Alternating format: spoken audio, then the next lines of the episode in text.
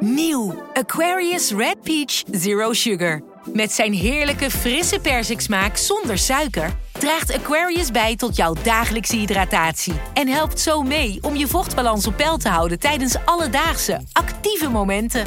Thuis, op het werk of onderweg. Ook verkrijgbaar in smaken lemon en orange. Probeer hem nu. Een maatschappij waarin iedereen meedoet. Een gezonde, groene en rechtvaardige wereld. Daar willen jij en heel veel andere mensen best iets aan bijdragen. In het klein en in het groot. Dicht bij huis en ver weg. Zo hebben we vorig jaar 349 miljoen euro bij elkaar gebracht. Miljoenen waarmee onze goede doelenpartners de wereld elke dag een beetje beter kunnen maken. Nationale Postcode Loterij. Samen voor een betere wereld.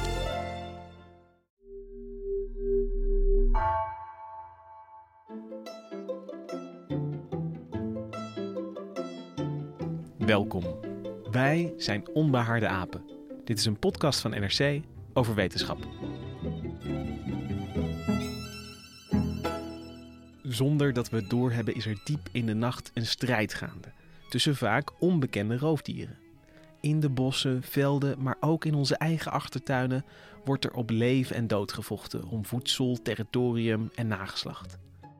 Over welke roofdieren hebben we het hier? En waarom grijpt de mens steeds vaker in in hun strijdgewoel?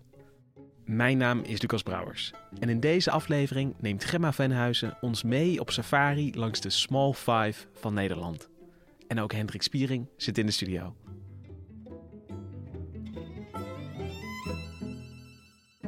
Gemma, we gaan het vandaag hebben over dieren die vlees eten, over roofdieren. En dat hebben we wel eens vaker gedaan. En dan hebben we het altijd meteen over de wolf of de zeearend, over alles wat een beetje onze aandacht trekt. Maar vandaag wilde jij het juist hebben over de vleeseters daaronder, zeg ik maar even. Ja, de dieren die toch een beetje in de schaduw van die grote predatoren leven. Want natuurlijk is het, hè, het spreekt ontzettend tot de verbeelding als je het over uh, de wolf hebt of als je een keer een zeearend hebt zien vliegen. Maar daardoor vergeten we nog wel eens dat ons roofdierenlandschap veel breder is dan dat. En ze zijn weliswaar een maatje kleiner, maar daardoor zeker niet minder belangrijk uh, wat invloed op de biodiversiteit betreft. Dus in telegraaftermen zou je kunnen hebben dat we het nu gaan hebben over de hardwerkende middenklasse van de, de vleeseters. Ja, ja, ja, ja, precies, die vleesetende middenklasse, daar gaan we het nu over hebben. En in uh, meer wetenschappelijke taal zijn dat dan de mesopredatoren. Terwijl echt die, die, die top, hè, de, de wolf en de zeearend, dat zijn dan de apex of de toppredatoren. En als ik het dan gewoon even uh, heel handzaam maak, dan hebben we het eigenlijk over de roofdieren die je op schoot zou kunnen hebben. Daar zouden ze passen. ja, ja, ik, ik weet niet of je dat per se moet, moet, willen. Uh, nou ja, je hebt uh, als je naar de precieze definitie van mesopredator zoekt, dat is lastig, want er zijn verschillende omschrijvingen. Uh, enerzijds zou je het inderdaad over de, de, de, de, de schootklasse qua grootte kunnen hebben, tot pakweg zeg, ja, ik denk toch een, een halve meter uh, groot. Maar um, een andere definitie is dat je um, kijkt naar waar ze staan in het voedselweb. En dat is, ik noemde net al even die, die, die, toppredatoren. Nou ja, de naam zegt het al, die staan aan de top. En um, dat betekent dus dat de mesopredator eet en gegeten wordt in feite. Dus hij kan zelf ook weer een prooi vormen voor die toplaag. Die middenklasse die, die Hendrik beschrijft, dat, dat, dat gaat wel heel erg op. Want uh, hij eet zelf uh, prooien, hij jaagt zelf, uh, maar kan ook bejaagd worden. Hij moet ook oppassen voor uh, wat er om hem heen gebeurt. Ja, en dat is dus wel weer interessant, want het maakt soms ook uit in wat voor gebied je leeft als mesopredator. Hè? Want als je in een gebied met veel bruine beren of, of wolven of coyotes leeft, ja, dan ook al ben je een, een, een, roofdier uit de middenklasse, dan, dan, dan ben je zelf toch ook al sneller een prooi dan wanneer je niet zoveel concurrentie te duchten hebt. Dus zolang die wolf afwezig is, wanen sommige mesopredatoren zich uh, wellicht toch uh, meester over. Uh... En is Nederland daarin misschien ook een beetje een afwijkend land? Um, in die zin dat wij lang geen klassieke toppredator hadden. Geen roofdier helemaal bovenaan. Want de beer, de wolf, de zeearend ja. waren tot voor kort gewoon afwezig. Daar heb je gelijk in dat het heel lang hadden ze best wel vrij spel. En uh, was eigenlijk de mens de enige factor ehm, die ze beteugelde. Ja, en dus onderling ook nog, want die concurrentie, uh, die speelde wel al mee. En je gaat ons meenemen op een uh, safari, maar ik zei al aan het begin, Gemma, van deze dieren opereren vaak in de nacht. Ze zijn wat, wat kleiner. Um, we, hebben er ook wat, wat minder aandacht voor, toch? Ze, ze leven een beetje aan, aan, de, aan de randen van ons natuurbewustzijn ook. Ja, ik denk dat, dat met uitzondering van de vos en de kat, want die uh, gaan we ook nog tegenkomen zo, zijn de overige dieren inderdaad een beetje onbekend, onbemind. Zeg, je hebt om en nabij tien soorten in Nederland van die mesopredatoren. En dan denk je bijvoorbeeld uh, aan de das en de otter. Ja, die zijn nog wel redelijk bekend. Um, maar je hebt ook soorten als de boommarter, de steenmarter, de bunzing, hermelijn, wezel. En dat zijn toch al, ja, zouden jullie op het oog een, een wezel van een bunzing kunnen onderscheiden? Ik niet. Nee, ik, dat wel, denk ik. ik. Ik denk dat ik misschien een eind zou komen, maar ik zou goed moeten nadenken over wat ik toevallig aan, aan, eh, aan feitjes over deze dieren weet. Ja, nou, maar na vandaag uh, kun je ze allemaal onderscheiden. Nee, maar, maar we zitten dus in een, in een wereld van, ik, ik, ik probeer het even voor me te zien, kleine tandjes, uh, ook kleine kraaloogjes. Kleine um, scherpe tandjes, ja. ja mooie, mooie pelzen ook. Ja, en, en een, een groot deel van die dieren, onder andere ook de das en de otter en vanzelfsprekend ook de diverse marters, die behoren tot de marter dus dat is eigenlijk de grootste groep binnen die mesopredatoren. Uh, dan heb je nog um, de vos die net als de wasbeerhond, een, nieuwkomer tot de hondachtigen behoort. Um, de wasbeer zelf hebben we ook. Dat, uh, is, uh, die maakt deel uit van de kleine beren. En dan nog de kat. Nou ja, goed, die behoort uiteraard tot de katachtige. En als we op onze safari gaan, Gemma, uh, uh, het klopt dat het nacht is, toch? Het is donker, want, want anders dan gaan we deze dieren niet uh, tegenkomen. Nee, de so je hebt wel een paar deels dagactieve dieren, maar de nacht is wel hun moment. En jij hebt er voor deze aflevering vijf uitgekozen om ja, opnieuw aan ons voor te stellen. Want de namen hebben we allemaal wel eens gehoord, maar wie ze precies zijn, daar hebben we niet zo vaak bij stilgestaan. Ja, ik dacht, we hoeven helemaal niet naar Afrika op safari voor de Big Five. We gaan gewoon voor de Small Five. En uh, wat, wat waren sommige van jouw criteria om, om uh, dieren wel of niet uh, op te nemen? Nou, ik, ik dacht, ze moeten allemaal een beetje hun eigen, hun eigen superpower hebben. Um, dus ik heb er één, dat is de nieuwste. Um, de ander is de grootste. De ander is de gewoonste. Nummer vier is de heiligste. En uh, vijf is de zeldzaamste. En nou ja, eh, één van de zeldzaamste kun je in ieder geval zeggen. Het begint toch een soort sprookje te worden. ja.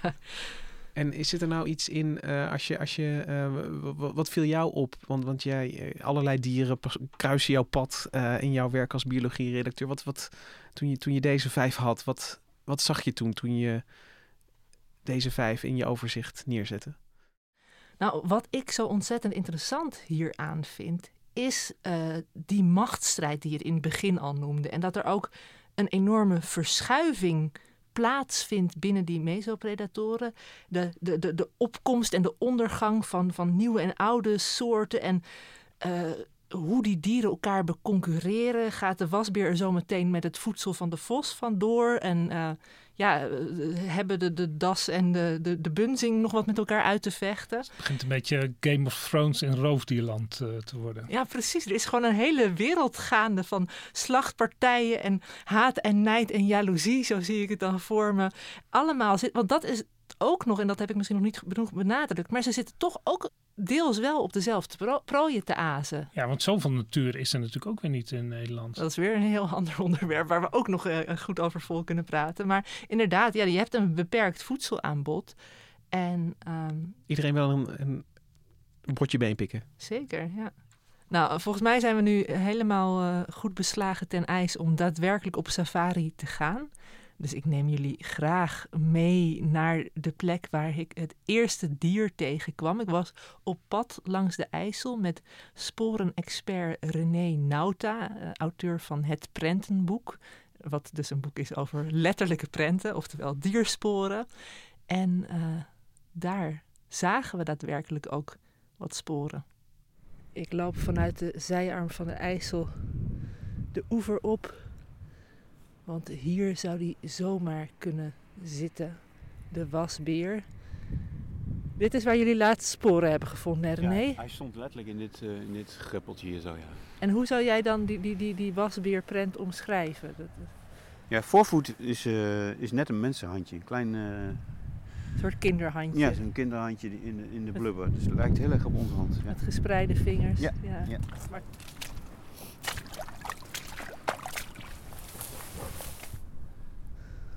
Zo, zag je het? Die, tenen, zie je, dat gaat al richting uh, wasbeer. Die oh, lange. Ja, dit, ja, ja, dit lijkt wel een uh, oude wasbeer. Oh, dat is wel... Uh... Want ik kan, dus niet, ik kan niet zo gauw iets anders maken. En wat heeft hier zich overheen... Ja, dit is een hondje, denk ik. Ja. Dit is geen vos meer. Omdat maar dit is hier de langwerpigheid ja, ervan? Ja, maar het zijn ook weer... Het is een hele oude, die daar heeft water in gestaan. Kijk hier, dit zo'n zo'n teen heeft bijna niemand. Dus dit is maar één teen. Maar een vos heeft niet zo'n teen. En, Eigenlijk heeft niemand zo'n lange teen. Dus we hebben er gewoon misschien echt Nou, dit lijkt er vandaag veel op, ja. Wauw. Gemma, zo'n teen heeft niemand, zoals de wasbeer. Wat zag jij daar aan de oever van de IJssel? Ja, het was zo'n lekker, ja, zoals ik al zei, een soort mollig kinderhandje met een vrij uitgestrekte lange tenen. En um, ja, ik was er zelf zo overheen gelopen, moet ik zeggen hoor. Maar volgens René was dat dus een, een typische wasbeerpoot. En dat kan ook heel erg in uh, dat oostelijk deel van het land, want er worden steeds meer wasberen in Nederland gezien. En dat betekent uh, dat daar wasberen gezien worden. D dit is het eerste dier wat we tegenkomen. Is dit dan de nieuwste? De nieuwste, ja. Ik, nou, ik noemde net ook al hè, de wasbeerhond en de wasbeer. Die worden vaak in één adem met elkaar genoemd. Ook al uh, lijken ze qua uiterlijk alleen maar op elkaar en qua familie helemaal niet. Maar um, die zijn allebei nieuwkomers. En dat is ook weer relatief hoor, want ze maken toch al jaren hun opwachting uh, in Nederland. Alleen ze worden niet zo vaak gezien nog. En vergeleken met de vos of de das of wat dan ook, zijn het inderdaad gewoon uh, nieuwe toevoegingen aan onze natuur. En altijd langs het water zijn het ook goede zwemmers, dat je daar ging zoeken? Nou, het zijn, uh, de wasbeer komt aan zijn naam door de wassende beweging die hij met zijn pootjes zo in het water uh, maakt. Dat is omdat ze onder andere kikkers, padden, kreeften, vissen opeten. En ze kunnen inderdaad ook wel zwemmen. Ze zijn absoluut niet bang voor water. En met dat wassen uh, maakt het aan het schrikken en dan pakken ze zelfs. Vroeger dachten ze ze gaan hun eten schoonwassen, vandaar ook de naam wasbeer. Maar het is eigenlijk dat ze meer een, een zoekende beweging maken met die poten. Dat ze op de tast proberen ze hun voedsel te vinden. En dan ja, bij toeval vangen ze een vis of, uh, of wat dan ook. En is het dan zo dat uh, de komst van een nieuw dier... Ik, kunnen biologen, ecologen of gewoon mensen kunnen daar bezorgd van, uh, van worden. Een beetje van, oh jee, wat, wat, wat gaat er nu gebeuren? Is dat met de wasbeer ook zo? Zitten, zijn mensen alert op van, hey, uh, gaat het nu straks mis met de kikkers? Ja, zeker. Ja, want het is misschien niet... Ik weet niet of er mensen heel specifiek dan nu voor de kikkerstand vrezen, maar... Wasberen kunnen wel degelijk een flinke impact hebben op de natuur. Ze komen al bijna een eeuw in Europa voor. Sinds de jaren 30 van de vorige eeuw zijn ze toen ook om hun bond ingevoerd. Want ze komen uit Amerika, toch? Ja, klopt. Ja. En de eerste observatie van een wasbeer was zeg uh, rond de millenniumwisseling, dus zo'n 20 jaar geleden. Um, maar vooralsnog, wat ik wil zeggen, is het vrij, vrij klein, vrij beperkt. Maar stel nou dat er de hele tijd aan was vanuit uh, Duitsland hierheen blijft komen, dan kan dat wel degelijk grote gevolgen hebben voor de natuur. Juist ook omdat die wasberen eilandjes kunnen bereiken. En op die eilanden wanen sommige vogels zich veilig. Die denken, nou, we hebben een goede broedplek, want een vos die gaat niet zomaar in het water springen om daar naartoe te komen. Want zo opportunistisch is die wasbeer ook wel. Die zit niet de hele tijd met zijn handen in het water. nee, het is niet alleen maar netjes braaf langs de oever. Nee, dat is juist, het is nogal een alleseter. En hij kan ook prima toe met uh, vuilnisbakken, maar ook met kippenhokken bijvoorbeeld. En uh, de zoogdiervereniging die um, heeft uh, een paar jaar geleden al een soort, soort um, uh, statement naar buiten gebracht van hè, ze kunnen, zouden lokaal een bedreiging kunnen gaan vormen voor inheemse soorten en dus ook best wel overlast veroorzaken. Dat is best wel een dilemma voor een zoogdiervereniging, want ja, komt er weer een mooi, het is best een leuk zoogdier natuurlijk, maar dan moet hij toch weg. Ja, en dat is ook wel, ze zijn ook wel in die zin ook wel weer vrij genuanceerd hoor en niet alle ecologen vinden het ook een ramp. Ik ben ook met um, ecoloog Jaap Mulder op pad gegaan. En die zei van ja, Nederland is ook wel een, een ideaal wasberenland. En uh, het kan ook best zijn dat deze nieuwe mesopredator gewoon zijn plek in het ecosysteem verovert zonder dat dat meteen de hele boel naar de knop hoeft te helpen, zeg maar. Dus het is ook wel goed om het met een korreltje zout te nemen. Het kan ook een verrijking zijn dus. Ja, nou, een van de dingen, los van zijn, zijn invloed op de, um, op de rest van de dieren, is ook dat wasberen spoelworm-eitjes met zich mee kunnen dragen. En voor mensen uh, kan het zo zijn dat die spoelwormen zich dan weer in onze hersenen gaan vestigen en uit het buitenland zijn er incidentele uh, gevallen bekend dat mensen daar ook uiteindelijk zijn, aan zijn overleden. Zo, dus dat is niet zo'n prettig souvenir wat hij meeneemt. Het begon al een beetje als een horrorfilm met dat kinderhandje aan de oever van de IJssel. Ja, ja, dat is toch altijd als er aan het begin uh, een geweer aan de muur hangt, dan moet het ook ergens afgaan. Ja, ja dus, dus dat is uh, gevaarlijk. En over geweren gesproken, um, volgens de Europese Unie, die heeft in 2014 ook besloten dat de wasbeer als invasieve exoot bestreden moet worden. En alle lidstaten mogen zelf beslissen hoe ze dat doen. En in Nederland mogen alle provincies dat ook weer zelf besluiten. Dus um, in Limburg en Noord-Brabant uh, mag die ook worden, uh, actief worden bejaagd. Dus, dus dood worden gemaakt. En, uh, zelfs, en ook Gelderland heeft daartoe besloten dat, je, dat afschot mag. Maar tegelijkertijd um, is er ook wel weer een, een tegenbeweging hier. Want laatst was er een wasbeer, een slapende wasbeer in een boom in Vught ontdekt. Slapende wasbeer. En um, die is dus niet uit de boom geschoten, maar door Stichting Aap gered. En uh, die wordt uiteindelijk dan naar een dierentuin overgebracht. Dus zo, zolang het nog om enkele, uh, enkele tientallen gaat, of en, niet al te veel exemplaren, zal er denk ik ook wel waar mogelijk een wasbeervriendelijke methode worden toegepast. Maar deze mesopredator wordt dus nauw in het oog gehouden, kun je zeggen, door provincie, Europa, door de mens. Precies. Ja. Oké, volgens mij gaan we door naar ons uh, volgende uh, diagramma. En, en ben ik benieuwd wat je uh, in dit geval hebt meegenomen. Ja, jullie mogen raden. ik ga even een geluidje laten horen.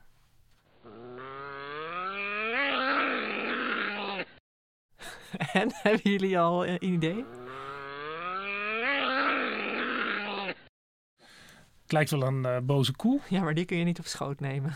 Nee, het, het klinkt inderdaad meer als iets met hoeven dan, dan met tanden, Gemma. Ja, nou oké, ik laat nog een geluid horen. Misschien dat jullie het dan raden.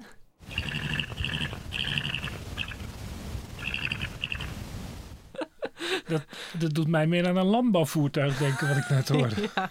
Het nou, is wel het gekste dier wat we hebben vanavond, denk ik. Hij komt wel qua grootte nog het meest van alle mesopredatoren in de buurt van uh, landbouwvoertuigen en koeien. Want dit is de grootste van onze um, small five. Het is de das. Die kan wel tot zo'n 80 centimeter lang worden. Hij, hij is ook heel fors gebouwd. Hè? Ik weet niet of jullie wel eens een das of in ieder geval een plaatje ervan hebben gezien. Maar breed geschouderd, brede kop ook, een grote staart erbij. En uh, hele lange, scherpe graafnagels waarmee hij zijn burcht kan onderhouden. Ja, ik ken de das dan vooral inderdaad uit, uh, ook weer uit verhalen met dat, het, uh, dat boeren hem proberen weg te krijgen van een land. Altijd een soort conflict, weet je, dan is er ergens een Dassenburg. en en, en op, ja, om een van de reden moet de Dassenburg dan, dan, dan weg. maar dat levert altijd tot een hoop conflict op. Ja, dat was begin dit jaar nog, omdat ze dan ergens een nieuwbouwwijk wilden neerzetten. En dat er dan een Dassenburg was en de dassen werden verplaatst. Alleen iedereen had over het hoofd gezien dat er nog twee jonge dasjes daar uh, waren. Dus die zijn toen wel naar de opvang gebracht en de moeder er weer bij gezocht. Maar die wilde al niks meer van de jongen weten, volgens mij. Het was, uh, maar wel een onverzettelijk dier dus. Maar wanneer maakte hij die geluiden nou? Want dat waren wel hele rare geluiden. Ja, het laatste geluid was een mannetje dat een vrouwtje probeerde te versieren. Uh, het eerste geluid was een, een boze das. Dus als je te dicht bij hem of bij zijn jongen in de buurt komt, dan kan, kan dit loeiende geluid uh, je deel zijn. En is de, de, de, grote burcht, is dat ook waarom de das tussen, tussen haakjes lastig is? Dat hij veel ruimte inneemt, gewoon fysiek? Ja, het is wel, uh, hij neemt inderdaad veel ruimte in en uh, ze leven ook in familiegroepen bij elkaar. Dus dat, daardoor wonen ze in zo'n uitgebreide burcht. Maar in het verleden was ook wel, dat is inmiddels al lang niet meer zo, uh, dat de das bejaagd werd omdat ze dachten dat het eten van zijn vlees mijnwerkers geluk zou brengen. Dus, uh, dat is een mooie, sympathische magie omdat die das natuurlijk ook graaft. Ja, precies. Dat je dan een soort misschien nog lijnwerker extra ja. goede... ongetwijfeld de reden. Ja. En gaat het wel goed met de das? Want uh, ik, bedoel, het is toch een, wat je zegt, uh, bejaagd in het verleden. Uh, die, die burchten zitten maar in de weg. komt hij nog wel tot zijn recht in, in Nederland? Ja, zelf is het eigenlijk best een goede gelobbes. hij kan niet zo goed zien en um, hij is ook een slechte jager. Dus hij eet alles wat er voor zijn neus oh, komt. Oh, nou ja. En zijn lievelingskostje, dat zijn regenwormen. Ja, dus dat is niet echt iets waarom wij hem, waarom hij concurrentie kan zijn uh, van de anderen. Maar hij houdt daarom ook van, van kort gras, want daarin kun je makkelijk ook uh, regenwormen zoeken. Dus een beetje uh, kleinschalig akker- en weidelandschap, bosjes, heggen, houtwallen. Um, en het is echt wel ook tussen 1900 en 1960 kelderde de dasstand dramatisch. Van 12.000 ongeveer tot 1200. Juist ook door die vervolging. Uh, maar nu worden ze beschermd en naar schatting zijn er, ja, ik geloof iets van 6000 dassen. Dus het groeit wel weer. En, en de das heeft in die zin goede PR. Als ik het even afzet tegen die waspeer, die toch uh, zeg maar het. Uh... Die afgeschoten mag worden. ja, ik heb zelf ook, ik vond het überhaupt. Ik dacht van, kunnen we hem wel meenemen in onze mesopredatoren top? Omdat het gewoon een beetje zo'n knullige is. Hè? Hij kan niet zoveel behalve die regenwormen vangen. Uh, ja, dus dat, daar is wel een afwijkend roofdier, toch? Ik bedoel, van, van, uh, ja. ik, ik bedoel, hij, ik, ik, snap dat hij jaagt en dat hij dieren eet, maar ik, ik bedoel, met die wasbeer hadden we het over kikkers eten en, en ja. Uh, vogels. Ja, dit, dit is toch een, een, prooi uit een andere categorie, zou ik ja, zeggen. meer de, de, de, ook insecten en zo eet hij wel, maar hij behoort dus wel degelijk tot de marterachtige. Maar dat de das een, een marterachtige is. En je zei net, net al dat, dat, dat de marterachtige de, de hofleverancier van, van de tussenroofdieren zijn. In, hier in Nederland in ieder geval. Dat dan bij, bij, een marter heb ik een, een, een wat slanker, kleiner dier voor ogen. Ja, en, niks ten nadele van de das. Maar nee, maar ook hier is het weer een beetje een soort uh, gekke lobbes. Want uh, ik, ik zat, nou ja, goed, steen- en boommarter, die spreken voor zich. Maar ja, de wezel, dat is weer de kleinste mesopredator.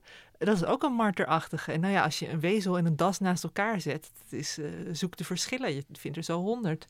Oké, maar de, de das um, eh, krabbelt weer omhoog, uh, um, maar heeft, heeft in ieder geval een, een, een, plek. Ook in het Nederland van nu als, als roofdier. Ja, en hij wordt ook wel. Uh, het is, het is wel toch wel spannend om Dassenburgten zijn ook beschermd. Het is... Ja, daar is keihard voor gevochten inderdaad. Ja. Stichting Das en ja, Boom, die heeft er heel veel aan gedaan. Ja, dus ik heb wel, ik heb zelf nog nooit een, een das in het veld gezien, maar alleen als ik een burcht krijg aangewezen door iemand, dan vind ik dat alsof ik een soort rovershol heb gevonden. Dat was de das, de grootste.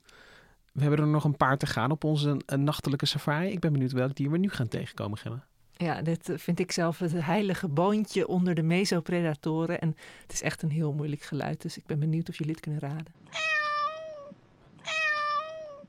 Ja, dat is inderdaad. Ik heb geen idee. Ga maar help me. ja, nou, doet het je niet enorm aan een kat denken? Ja, verdomd. Ja.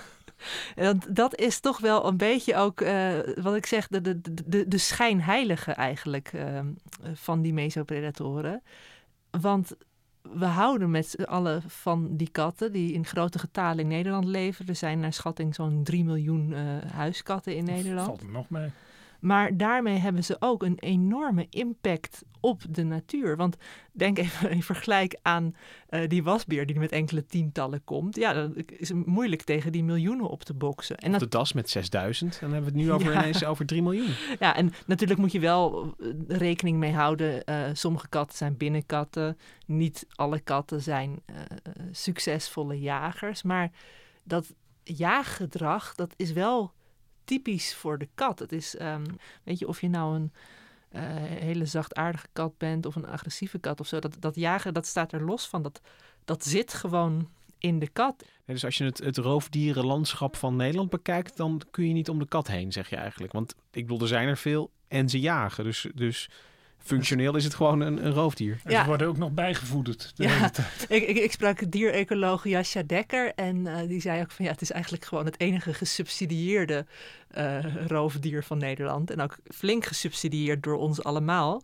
Met al die uh, lekkernijen die we voor ze kopen. En um, ja, de, de, de invloed op de prooidieren sowieso is niet gering. Want um, naar schatting bijvoorbeeld worden er tenminste jaarlijks alleen maar iets van 17 miljoen vogels gevangen door de Nederlandse katten. En dan heb je natuurlijk ook alleen nog de, muizen. Die schattingen lopen allemaal ontzettend uiteen hoor. Dus je, moet die getallen wel met een korreltje zout nemen. Maar er vallen vele tientallen, misschien wel honderden miljoenen uh, slachtoffers uh, ten prooi aan de kat elk jaar. Oké. En je zei aan het begin dat, dat, uh, dat je ook verwilderde wilde uh, katten uh, hebt. En een, een, een, wilde kat die haalt echt zijn, zijn hele maaltijd uit de natuur. Ja, want je hebt... Kijk, de, de huiskat is ons allemaal wel bekend. Maar je hebt ook in Limburg een kleine populatie. En in 2019 werd dat vastgesteld op iets van 15 exemplaren um, van echt wilde katten. Dat is eigenlijk een andere soort, toch? Ja, hij lijkt op de Sieperse huiskat, maar hij is, hij is forser gebouwd en heeft een hele dikke staart met wat uh, zwarte ringen erop. En um, aanvankelijk leefde die ook gewoon in heel Europa, uh, in de bossen. Maar juist door ontbossing werd het territorium voor de wilde kat steeds kleiner. En zijn er dus wat meer geïsoleerde populaties overgebleven. En onder andere de Ardennen en dan ook uh, Duitsland. En vandaar heeft die wilde kat dan ook weer zijn weg naar Limburg gevonden. Maar in dat geval spreek je echt van een, van een wild roofdier dat dus ook van oudsher in Nederland voorkomt? Ja, en eigenlijk eh, als je het puur op de wilde kat zou, zou focussen, dan zou je uh, van de wilde kat kunnen zeggen dat hij het zeldzaamst is van allemaal. Um, maar die eten ook, ik bedoel, die, die hebben geen Whiskas of Felix of wat dan ook om bijgevoerd te worden. Dus die specialiseren zich vaak ook in één type prooi. Het zijn hele behendige jagers. En ja, de een die zal uh, vooral muizen op zijn menu hebben staan en de andere vooral vogels. Uh, weer een andere misschien zelfs wel uh, konijnen of amfibieën. Dus het is, de, de, de ironie is een beetje dat, dat de kat de talrijkste en de zeldzaamste tegelijkertijd in dit lijstje. afhankelijk van, ja. Maar, ja, de, maar wat ik zei, waarom ik hem de schijnheiligste noemde, is omdat um, alle andere mesopredatoren, uh, daar gaan we het zo nog wel over hebben, worden heel streng in zekere zin toch wel gereguleerd. Hè? Of ze ook bijvoorbeeld bij de weidevogels, dat is de steenmarter, die hebben we niet in de top 5, maar uh, die was eigenlijk eerst best wel zeldzaam. Het ging weer beter met hem. Maar nu heeft hij weer een te grote impact op uh, de weidevogels. Dus mag hij weer beheerd worden. En bij de kat ligt dat heel erg gevoelig. Ze hebben wel dit jaar uh, vanuit Vogelbescherming ook een grote campagne gelanceerd. Kuikens in het land, poes in de mand. Om te proberen mensen s'nachts hun poes in ieder geval binnen te laten houden. Want ook hier hebben we weer dat nachtelijke aspect. Uh, vaak gaan juist katten, zeker wat meer in buitengebieden, hebben ze met GPS ook vastgelegd, gaan juist s'nachts het weiland in. Dus grote kans dat als je een prooi bent in Nederland, dat je een kat op je dak treft. En niet je hoofd. Ja, en, en uh, uh, niet, een, niet een wasbeer of een steenmarter. Nou, het is natuurlijk wel het is een beetje afhankelijk van waar je leeft. En van katten is ook wel bekend dat ze een soort sit-and-wait techniek hebben. Dus ze gaan niet heel actief bijvoorbeeld achter uh, jonge weidevogelkuikens aan, waar misschien een van de kleinere marterachtigen dat wel zou doen. Maar tegelijkertijd uh, ja, ben je je leven dus niet zeker in de buurt van een huiskat. Ja, maar dat was de kat. En er valt me inmiddels iets op. Heel veel van deze roofdieren hebben gewoon een drieletterige naam. Ja, de was, de das en de kat bedoel je. Ja, dat zijn dus namen die heel veel gebruikt worden en dus versleten zijn. Ja, nou dat geldt ook voor de volgende. En dat is ook de, vind ik, de, de gewoonste van de mesopredatoren. De enige die het wel goed doet qua PR en het nog wel eens tot een prentenboek schopt. Uh, dat is uh, de vos. Ja, en over, over prentenboeken gesproken. Um, ik was ook met René Nauta ben ik van dit dier uh, sporen tegengekomen. En um, we liepen daar langs de IJssel en een beetje een onheimische plek onder een uh, viaduct waar overal uh, lege bierflesjes lagen. En uh, daar in dat drassige landschap, gelukkig had ik laarzen aan, zagen we nog meer sporen. Ja, dit is helemaal fantastisch. Geen wasbeer, maar Oh, wauw. Oh, dat is, dit is echt zo uh, mooi. Hier, hier, heb je een, uh, dit is een wissel, hè, vaste route. Maar je ziet dat hier, uh, hier komen enorm veel vaak vossen langs. Dus dit zijn allemaal vossenprinten. Super mooi. En die springt gewoon constant van eiland naar eiland hier die heeft geen zin in natte voeten. Oh ja, dus die hopt echt hier. Maar dat is toch grappig dat hij dan niet even omloopt om helemaal nee. nat te... Ja, dit is echt uh, briljant hier. Dit eiland is helemaal bedolven onder de punt. En dan daar helemaal. Hier ja, want het is, het is hier droog, dus het regent ook niet uit. Nee. Oh ja, braaien, dat is wel mooi. Uh... Maar die reeën lopen nog wel door het water, maar die vos springt echt. Het is echt geweldig om te zien. Heel mooi. Maar, wat kwam je daar tegen? Ja, wat ik zo leuk, waarom ik zo blij ben over de vos, is omdat ik dat een beetje kan herkennen. Zowel qua uh, prenten als qua uitwerpselen. Wisten jullie dat een vossendrol altijd zo'n raar puntje aan het uiteinde heeft? Nee. Door alle haren van zijn prooi. Net, net, als een staart, toch? Een beetje? ja. zo kun je, zo, dat is het ezelspuggetje dat ik onthoud. Ik zeg altijd dat de cavia de enige, uh, het enige dier is dat, van waar, waarvan de uitwerpselen op het dier zelf lijken. Maar misschien is dat bij de vos ook wel een beetje zo. Maar jullie vonden dus vossen uitwerpselen en, en sporen? En uh, sporen. Wow. En dat vond ik dat zo leuk dat hij van eilandje naar eilandje sprong. Ja, wat je nee hoorde zeggen. Terwijl die reeën dan gewoon door het water banjeren. Want de, de vos die houdt niet zo van natte voeten dus. En uh, ja, tegelijkertijd is hij soepel en lenig en gracieus. Alles wat je van de das niet kan zeggen. Uh, en heel algemeen dus ook. Want als we het over. Jij vindt dit het, gewoonste uh, tussenroofdier. Maar uh, hoeveel, over hoeveel dieren hebben we het? Hoeveel leven er in Nederland? Ja, ook hier is het. Hè, kijk, van katten is het nog relatief makkelijk om te weten uh, hoeveel er zijn. Van de vos zijn er trouwens minder dan van de kat. Maar schattingen lopen wel uiteen tot tot zeg maar 140.000 of zo. Dat is in ieder geval ver boven de, de 100.000 wat ik tegenkwam. Nou, dat is een flink aantal. Dus. Nou, en ook dat hij heel wijd verspreid ook is. Da da daarom vind ik, hij, hij is gewoon omdat hij zich in ons collectieve bewustzijn heeft genesteld. Maar ook omdat je hem overal kunt tegenkomen. Ook in stadsparken, uh, eigenlijk door heel Nederland, met uitzondering van de Waddeneilanden. Al heb je dan op de eens in de zoveel tijd, is er opeens dan weer een dode vos die gevonden is. En dat blijkt dan een grap te zijn van iemand die een dode vos mee naar, weet ik veel, ter Schelling heeft gesleept om hem daar neer te leggen.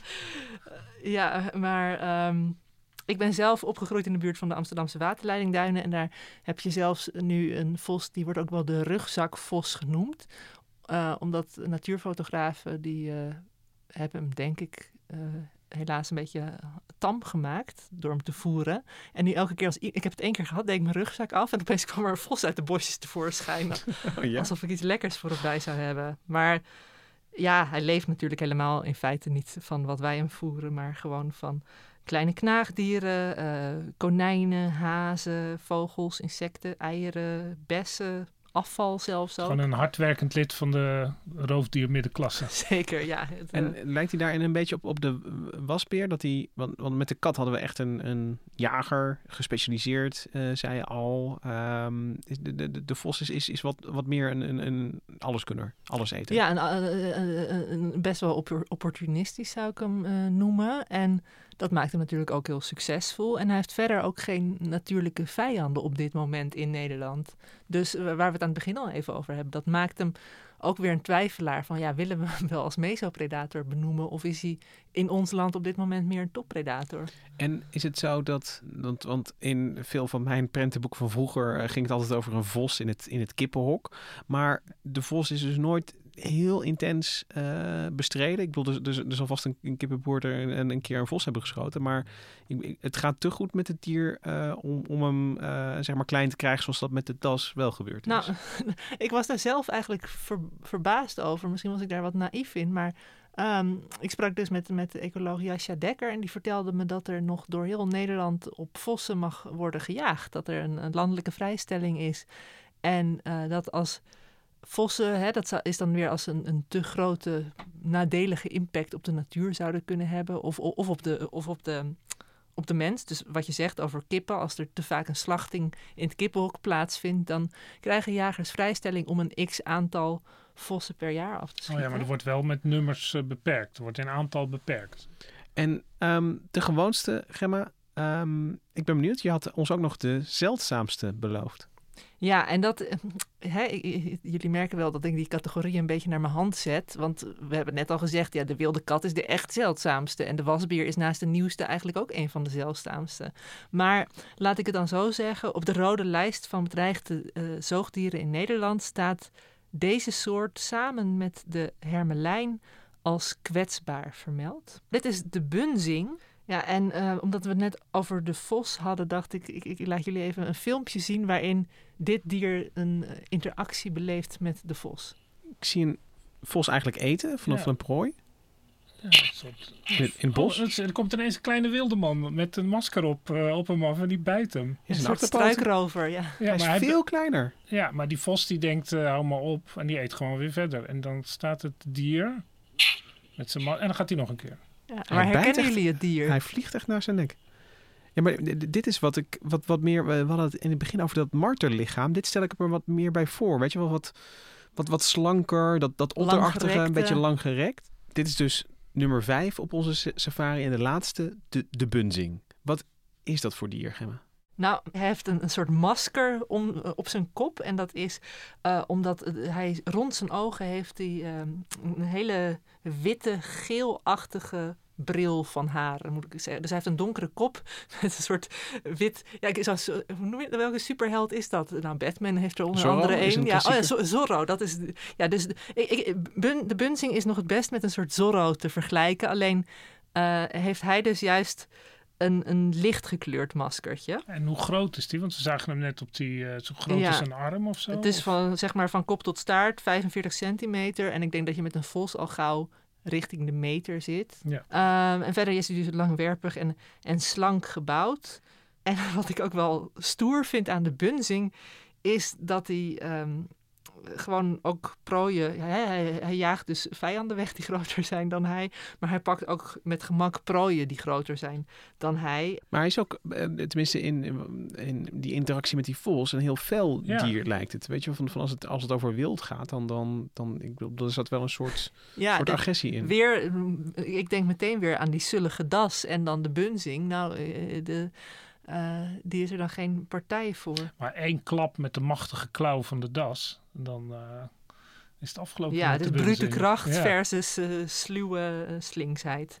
En de, ik bedoel, ook weer in de nacht actief, maar, maar, maar wat moeten we weten over het leven van, van de bunzing om hem een beetje ja, meer eh, eh, voor ons eh, te halen als we aan de bunzing denken? Waar, waar, Hij, hij leeft echt, hè, je hebt dat, dat voor al die kleine marterachtigen, die, die hebben een gewoon aan het oog ontrokken leven, omdat ze vaak leven in holen, die, soms ook van prooien die ze zelf eh, hebben gedood eerst.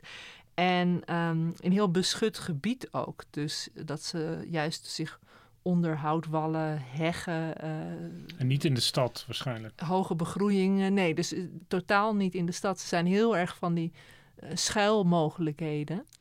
En hoeveel, hoeveel, hoeveel bunzingen zijn er in Nederland, Gemma, als dit de zeldzaamste is? Uh, nou, juist omdat de bunzing dus best wel heimelijk is, ook qua uh, leef- en jaaggedrag, is het moeilijk om er precies grip op te krijgen. Maar wat ze doen bij de bunzing is dat ze het ook aan de hand van het aantal verkeersslachtoffers gaan kijken hoe goed het gaat met de bunzing. En dat is natuurlijk een beetje cru. Dus hoe meer, hoe die- beter eigenlijk. Ja, met die individuele bunzingen gaat het niet meer zo goed. Uh, maar ik heb hier uh, gegevens um, van de website Nature Today. En uh, werden in 2007 uh, slechts 500 waarnemingen van bunzingen doorgegeven. In 2008 werden maar liefst 833 bunzingen uh, gemeld. En dit was 2008 omdat het ook het jaar van de bunzing was. En daar, in dat jaar bleek trouwens onder andere dat het imago van de bunzing verrassend goed is tegenwoordig.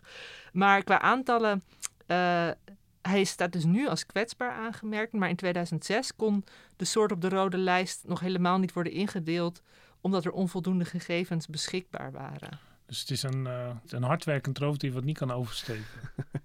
maar we hebben het dus over een roofdier dat niet zo zichtbaar is. Um, best wel fel. En uh, redelijk zeldzaam in de, in de zin dat er, dat er een paar duizenden zijn. En hebben er altijd bunzingen geleefd in Nederland? Ja, voor zover ik weet is dat gewoon wel een, een ingeburgerde, de ingeburgerde bunzing. Maar ik wilde hem ook een beetje als symbool van die kleine marterachtig. Ik had ook de hermelijn kunnen kiezen of de wezel, die is nog weer een maatje kleiner. Het leuke van de hermelijn is dat die vroeger ook wel in uh, koningsmantels werd gebruikt. Uh, ja, dat is helemaal niet leuk voor de hermelijn, maar goed, daar, daar kennen we hem nog wel van. Daar kennen we hem van. Het zwarte staartpuntje. maar het is dus een hele groep roofdieren die, die we niet, niet zoals vos, ook niet zoals de das, die, die niet als heel erg onderdeel van, van onze natuur voelen misschien. Als we denken over de dieren die leven in het, in het bos en in de velden, maar die gewoon met z'n allen, omdat ze voorkomen in alle formaten, wel gewoon erbij horen en een grote impact hebben. Ja, en die, die lang denk ik onder de radar hebben geleefd. En mede dankzij onderzoek van hè, onder andere de zoog, zoogdiervereniging en dergelijke partijen... is er dus wel steeds meer inzicht gekomen in die kleine marterachtige... en ook aandacht voor die soorten. En ehm, nou ja, we hadden het net al even over die, steen, over die steenmarter met wie het goed gaat. Uh, het, lijkt dus allemaal ook wel ten gunste van die soorten uh, het tij nu te keren. Dankjewel. Gemma, voor deze, deze kleine safari in de nacht langs kleine tanden. Um, in jouw verkenning, welk, welk dier heeft nou jouw hart gestolen? Ja, toch degene over wie ik, die ik de hele tijd een beetje eh, beledig door te zeggen dat hij zo sloom en sullig is. De das, dat vind ik voor mij, ja, vanwege zijn, juist vanwege dat, dat goede imago en ook een beetje uh, het feit dat ik er gewoon graag een keer eentje wil zien. Dat lijkt me een goed voornemen. En uh, Hendrik, ook nieuwsgierig naar de das? Of heb jij een andere Ja, nee, ik vind de das vind ik ook... Uh, ja, de das vind ik ook uh, bijzonder interessant. Omdat die juist door die, die combinatie van, van kracht en, en kalmte... Laat ik het positief typeren. Maar mijn de, de, sympathie gaat eigenlijk uit het meeste denk ik toch naar de vos. Gewoon vanwege ja, de enorme rijkdom van volksverhalen, mythologische beelden... En ook de, ja, de schitterende staart. Ik heb er ooit eentje door het. Uh, toen kwam ik terug van een avonddienst van de krant toen we nog in Rotterdam zaten. Was ik op de fiets. En toen zag ik hem uh, langs de kant van de weg uh, hobbelen. Om een uur of twee s'nachts. Dat was nog een hele late avonddienst. Passant in de nacht? Passant in de nacht, ja. Met staart vier omhoog. Ja, het zijn wel trotse dieren ook. Dat, uh, of ja, zo, zo ogen is, ze laten Het is in de, al die, de, de, hij komt ook in de volksverhalen ook altijd voor als de trickster, de slimmerik, de, ja, de, de sluwe vos. onbetrouwbare, maar sympathieke figuur. Ik heb bij veel van deze dieren heb ik een associatie. Ik moet heel erg denken aan een serie kinderboeken uit mijn jeugd. Over, ja. over Roodburgt uh, ging dat. En daarin zijn de slechterikken zijn altijd uh, ja, Engelse uh, bosroofdieren, zeg maar. Dus dat is in het ene boek is het een wilde kat. En soms het zijn altijd hermelijnen en wezels. Die, ah. En, en later vond ik het ongemakkelijk, dat, dat biologisch determinisme. Maar wat, wat, wat het voor mij wel, wel veel van die namen, die zijn toen wel voor mij geland. Dat doet mij ook wel denken aan een vraag die ik eigenlijk al de hele tijd heb, Gemma. Is die strijd, die onderlinge strijd. We zagen hem bij die Bunzing en die Vos heel direct. Eén op één, zeg maar. Um, jij hebt ook al tijdens de safari gezegd... Um, ze zitten op dezelfde prooidieren te azen voor een, een groot gedeelte. Is die strijd heel intens? Is het uh, lastig om een, een tussenroofdier te zijn tussen de tussenroofdieren? Net toen we die top 5 aan het doen waren, dacht ik, ja, het voelt gewoon als een team van superhelden. Hè? Allemaal met hun eigen eh, superkracht van de sluwe en de, de, de sterke enzovoort. Maar eigenlijk ze elkaar, ze zijn totaal niet, niet, niet goed in, in positief samenwerken. Want het is alleen maar mot onderling. En juist daarom, vanwege hè, het feit dat ze meer uh, met elkaar die strijd aangaan dan samenwerken, dat, dat maakt ze ook heel interessant, vind ik. Omdat er door die interacties ontstaat er een, een spanningsveld. En Jascha Dekker die vertelde dat heel mooi aan de hand van een voorbeeld over de vossen in de duinen. Die daar uh, vrijwel geheel de hermelijnen hebben weggeconcurreerd. Een, een heel mooi voorbeeld van Nederland van effecten die apex-predatoren kunnen hebben, is denk ik uh, hermelijnen en vossen in de duinen. Um, vos is lange tijd uh, afwezig geweest in echt grote delen van Nederland door de mens. Die heeft op een gegeven moment het duin weer, uh, weer gekoloniseerd. En toen zagen, zag men dat de, de hermelijnen flink achteruit gingen. Die zijn eigenlijk zo groot als verdwenen uit het duinen-ecosysteem. En dat is waarschijnlijk te wijten deels aan concurrentie om muizen en, uh, en, en, konijnen. Maar er zijn ook wel aanwijzingen dat uh, die vossen ook echt die hermelijnen uh, bejoegen en, en ook doodbeten. Maar dat is wel, um, ze concurreren elkaar dus heel direct en met, met gevaar voor verwondingen. Want ik bedoel, het, het, als, als vos kun je ook uh, denken van nou, ik, ik, ik ga konijnen eten. Dat is toch ook dat moeilijk. Dat een vos eigenlijk altijd.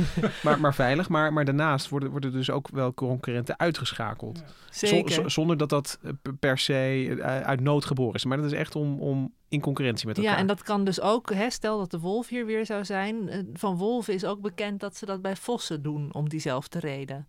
Omdat ze dan ook toch te veel op hetzelfde zitten te azen. En over wolven gesproken, vind ik het heel interessant uh, om even in te zoomen op die, die relatie tussen wel of niet de aanwezigheid van toppredatoren en de, en de middenklasse.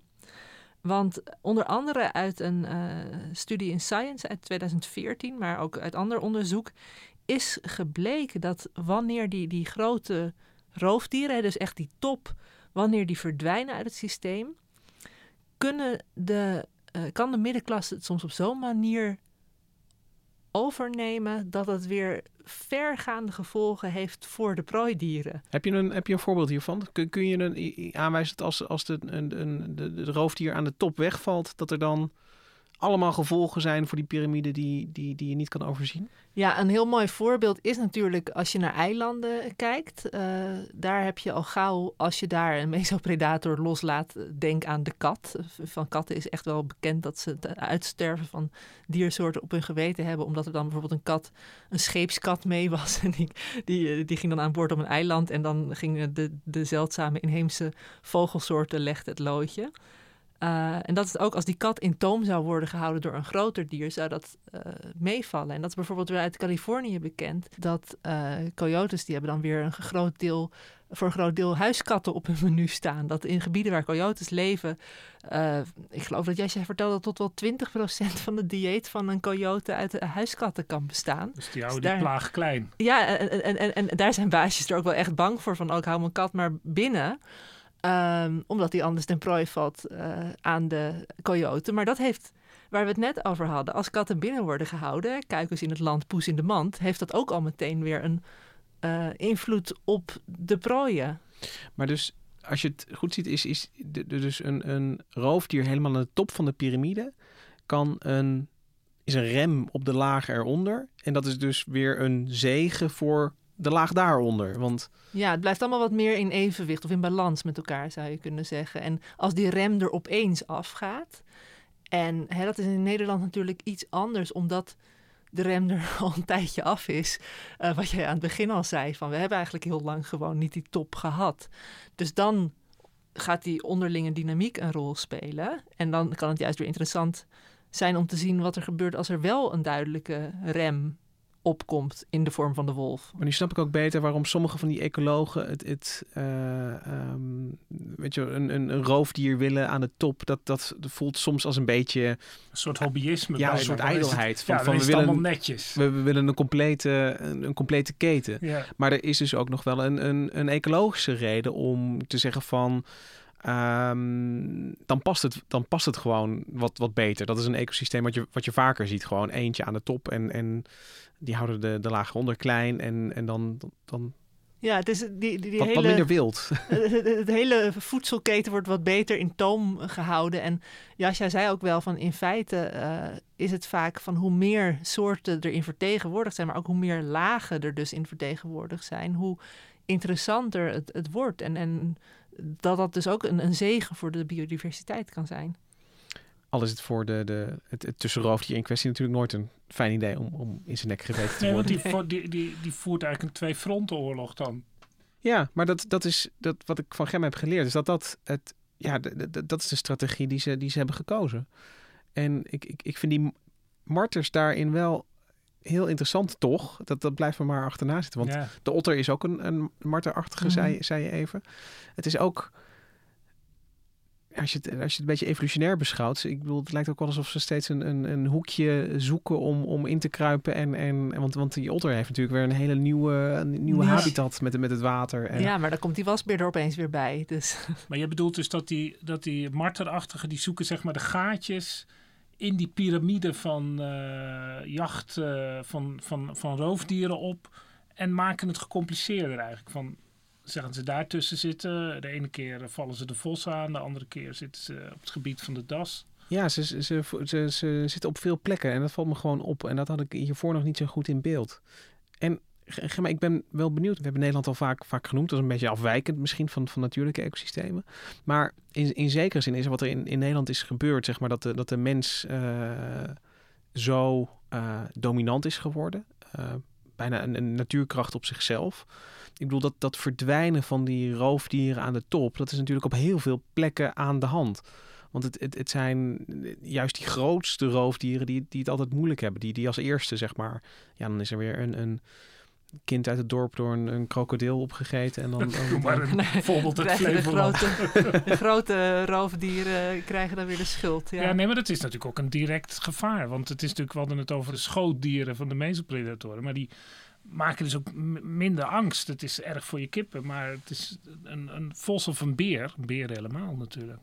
Ja, dus, dus ik, ik, is, is, is Nederland daarin een, een soort uh, is, is, is, is dat een beetje waar we naartoe gaan? Weet je, van, van een wereld waarin vooral nog tussen roofdieren zijn en, en niet, niet meer echt van die hele grote. En dat de mens het allemaal gaat reguleren? Of, uh... Ja, want dat reguleren. We, wij eh, we doen precies waar we zin in hebben als mensen. En die natuur die hobbelt er dan maar een beetje achteraan. En die vossen die vinden een gaatje. En de beren, die, die zien we nooit meer terug. Nou, maar dat wil ik. Ik denk juist dat ook toppredatoren hun weg wel weer vinden. En dat dat juist, nou, de zeearend is daar een, succesvol voorbeeld van. De wolf, die begint ook weer uh, zijn weg naar ons land te, vinden. dat, ik, ik, ik vroeg aan Jasja ook van, ja, in hoeverre zijn wij mensen zelf nou ook een apex-predator? Want wij staan aan die top. Wij hebben een verregaande invloed op die laag onder ons. Dus hebben wij niet gewoon de rol van de bruine beer ingenomen? Ik vind het, het lastige. Eigenlijk is een apex-predator is toch een soort die. In mijn ogen is dat wel iets wat meedoet in de natuur. En dat betekent dus ook dat als je, je werkt als apex predator, als je jezelf zo ziet, dan zou je dus ook uh, moeten zeggen: als ik vandaag niks vang, dan heb ik uh, vanavond honger. Maar bij de mensen gaan we dan gewoon naar de koelkast en halen we er iets uit. Ik snap wel wat Josje Dekker hier zegt, want voor, voor, voor mij voelt de mens meer als een natuurkracht. Ik bedoel, het, het landschap. Een soort storm die alles omwaait. Ja, het, het, het landschap verandert totaal met, met, uh, met, met de, de, de landbouw. En, en, het ene moment is de, de, de, vorm van landbouw nog heel geschikt voor een das. En honderd jaar later niet meer. Ja, weet die das uh, veel. En, en, en wat er dan nog bovenop komt is zeg maar dat actieve beheer. Zo'n zo besluit om, om maar dieren te gaan, gaan afschieten. Maar dat is natuurlijk... Ja, of ineens is de natte natuur in, hup, weer allemaal natte natuur. Ja, en die grote bewegingen, die, die lijken me dan nog bijna ingrijpender dan, dan, dan uh, of zo'n zo'n zo'n vos wel of niet uh, geschoten mag worden. Ja, want sterker nog, in feite door de enorme beperking van de actieve jacht door mensen, is het enige rol waarin we echt een roofdier zijn, dat je bij wijze van spreken gaat schieten om, om op te eten. Ja, het is natuurlijk een ongelijk soort met de strijd met geweren, maar toch, die, die wordt er ook nog uitgehaald. Mm. Dus dat mag dan ook niet meer. Nou, maar het is wel heel interessant. Uh, hè? Hij zei ook wat jullie zeggen over die, die intensievere landbouw bijvoorbeeld. En ook het verkeer, waar we het eerder over hadden met de bunzing-slachtoffers. Uh, het is soms ontzettend moeilijk om dat verdwijnen van die apex-predatoren echt te, te, scheiden, te, te scheiden van de veranderingen in het landschap. En hebben we die tussenroofdieren nog ergens voor, voor nodig, uh, Gemma? Of zouden we... Nee, maar dat is... Dat is ik vraag het omdat het... als je muizenplaag in je tuin wil hebben. Ja. Nou, nou, maar dat is een serieuze vraag, toch? Van, van, uh, maar wat bedoel je met we nodig? Wie is we? Wat is nodig? Kijk, er, er, is altijd een argument voor eh, natuur te vinden uit een soort van, van nutdenken, zeg maar. Hè? Van, van we hebben uh, mangrovenbossen nodig om de kusten te beschermen. Ik mhm. bedoel, dat is natuurlijk... Ik snap dat het... Dat het oh, op die manier. Um, kun je inderdaad... Ik bedoel, plaagdieren genoeg. Uh, muizen- en rattenoverlast is, is reëel.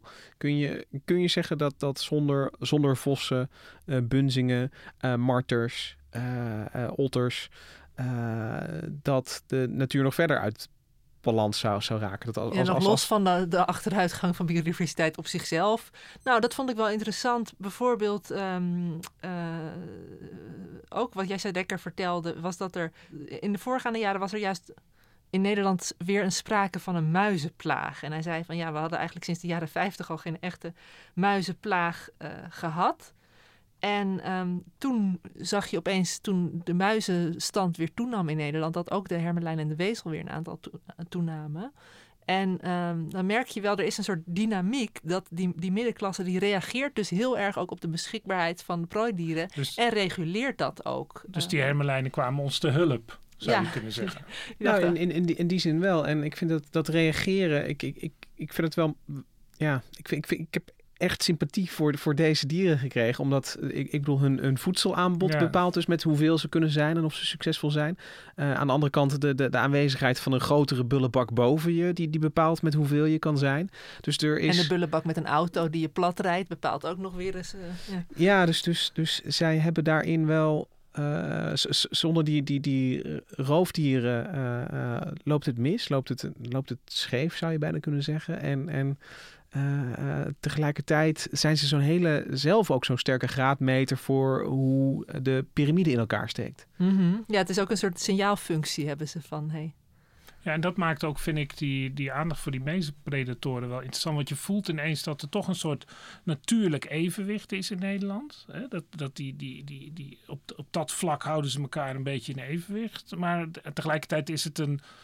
Je wil als mens altijd een soort orde zien, maar ja, het is, je noemt het dan natuurlijk evenwicht, natuurlijke orde, maar het is, het is zo instabiel. Want als er weer een nieuwe Rijksweg wordt aangelegd, ik bedoel, het wordt, wat, er, wat er is, moet dan behouden worden. De Dassenburgten die bestaan, die mogen blijven, zeg maar. Maar verder... Is er steeds minder ruimte om nieuwe ja. burchten in aan te leggen. Ja, en dat is toch altijd een beetje dat, dat gepuzzel op de vierkante meter. Hè? Van wat kan naast wat bestaan. Maar soms wordt de natuur wel veel te veel aan de tekentafel natuurlijk ontworpen. Van die soort mag er wel zijn en die soort mag er niet zijn.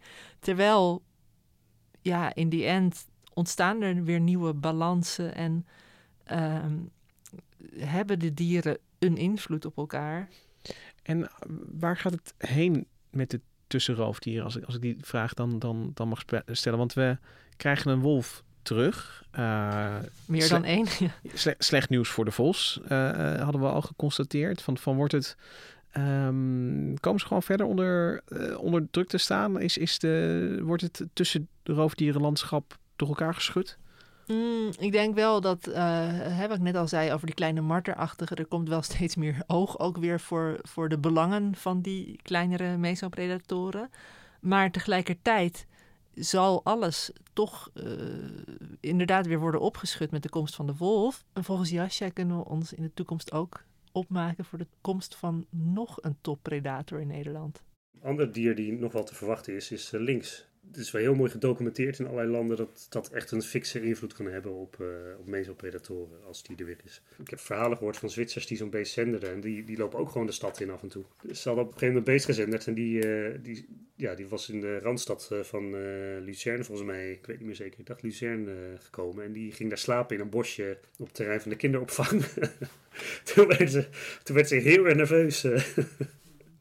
de links en dan zie ik een, een, een grote, of tenminste een middelgrote kat vormen met, met van die pluimoortjes. Ja, precies. Ja, dat is, en die, die uh, is nu al, leeft al in België. Is hij al gesignaleerd, ook met cameravallen.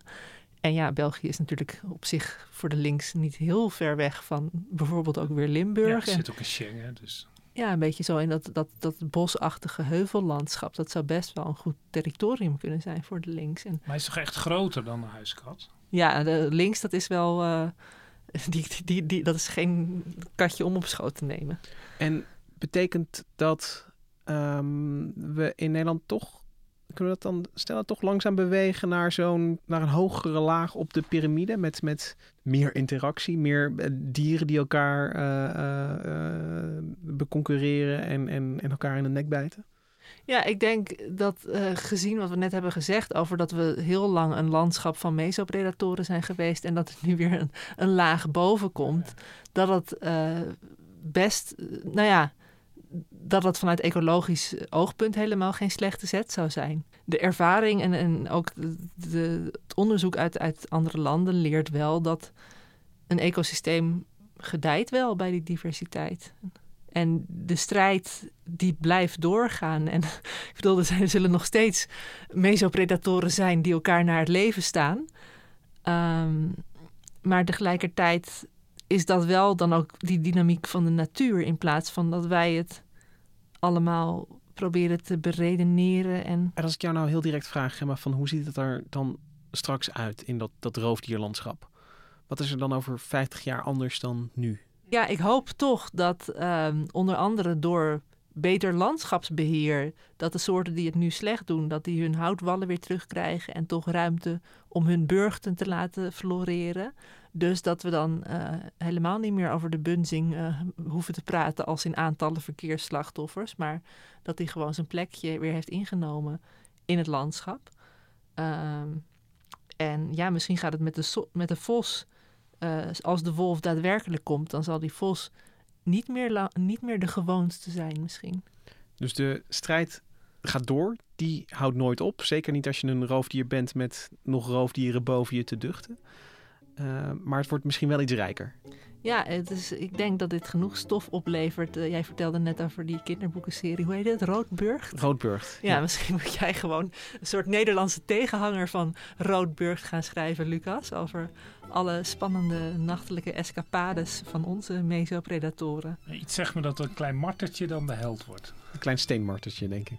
Ja. Dankjewel, Gemma, dat je ons mee wilde nemen in de nachtelijke wereld van de roofdieren en wat daar allemaal gebeurt. Dankjewel ook, Hendrik. Dankjewel, Liz Doutsenberg, Nina van Hattem en Rosa van Toledo voor de productie van deze aflevering. De muziek die je hoort is gespeeld door Dudo Quartet. En wij zijn er volgende week weer. Tot dan.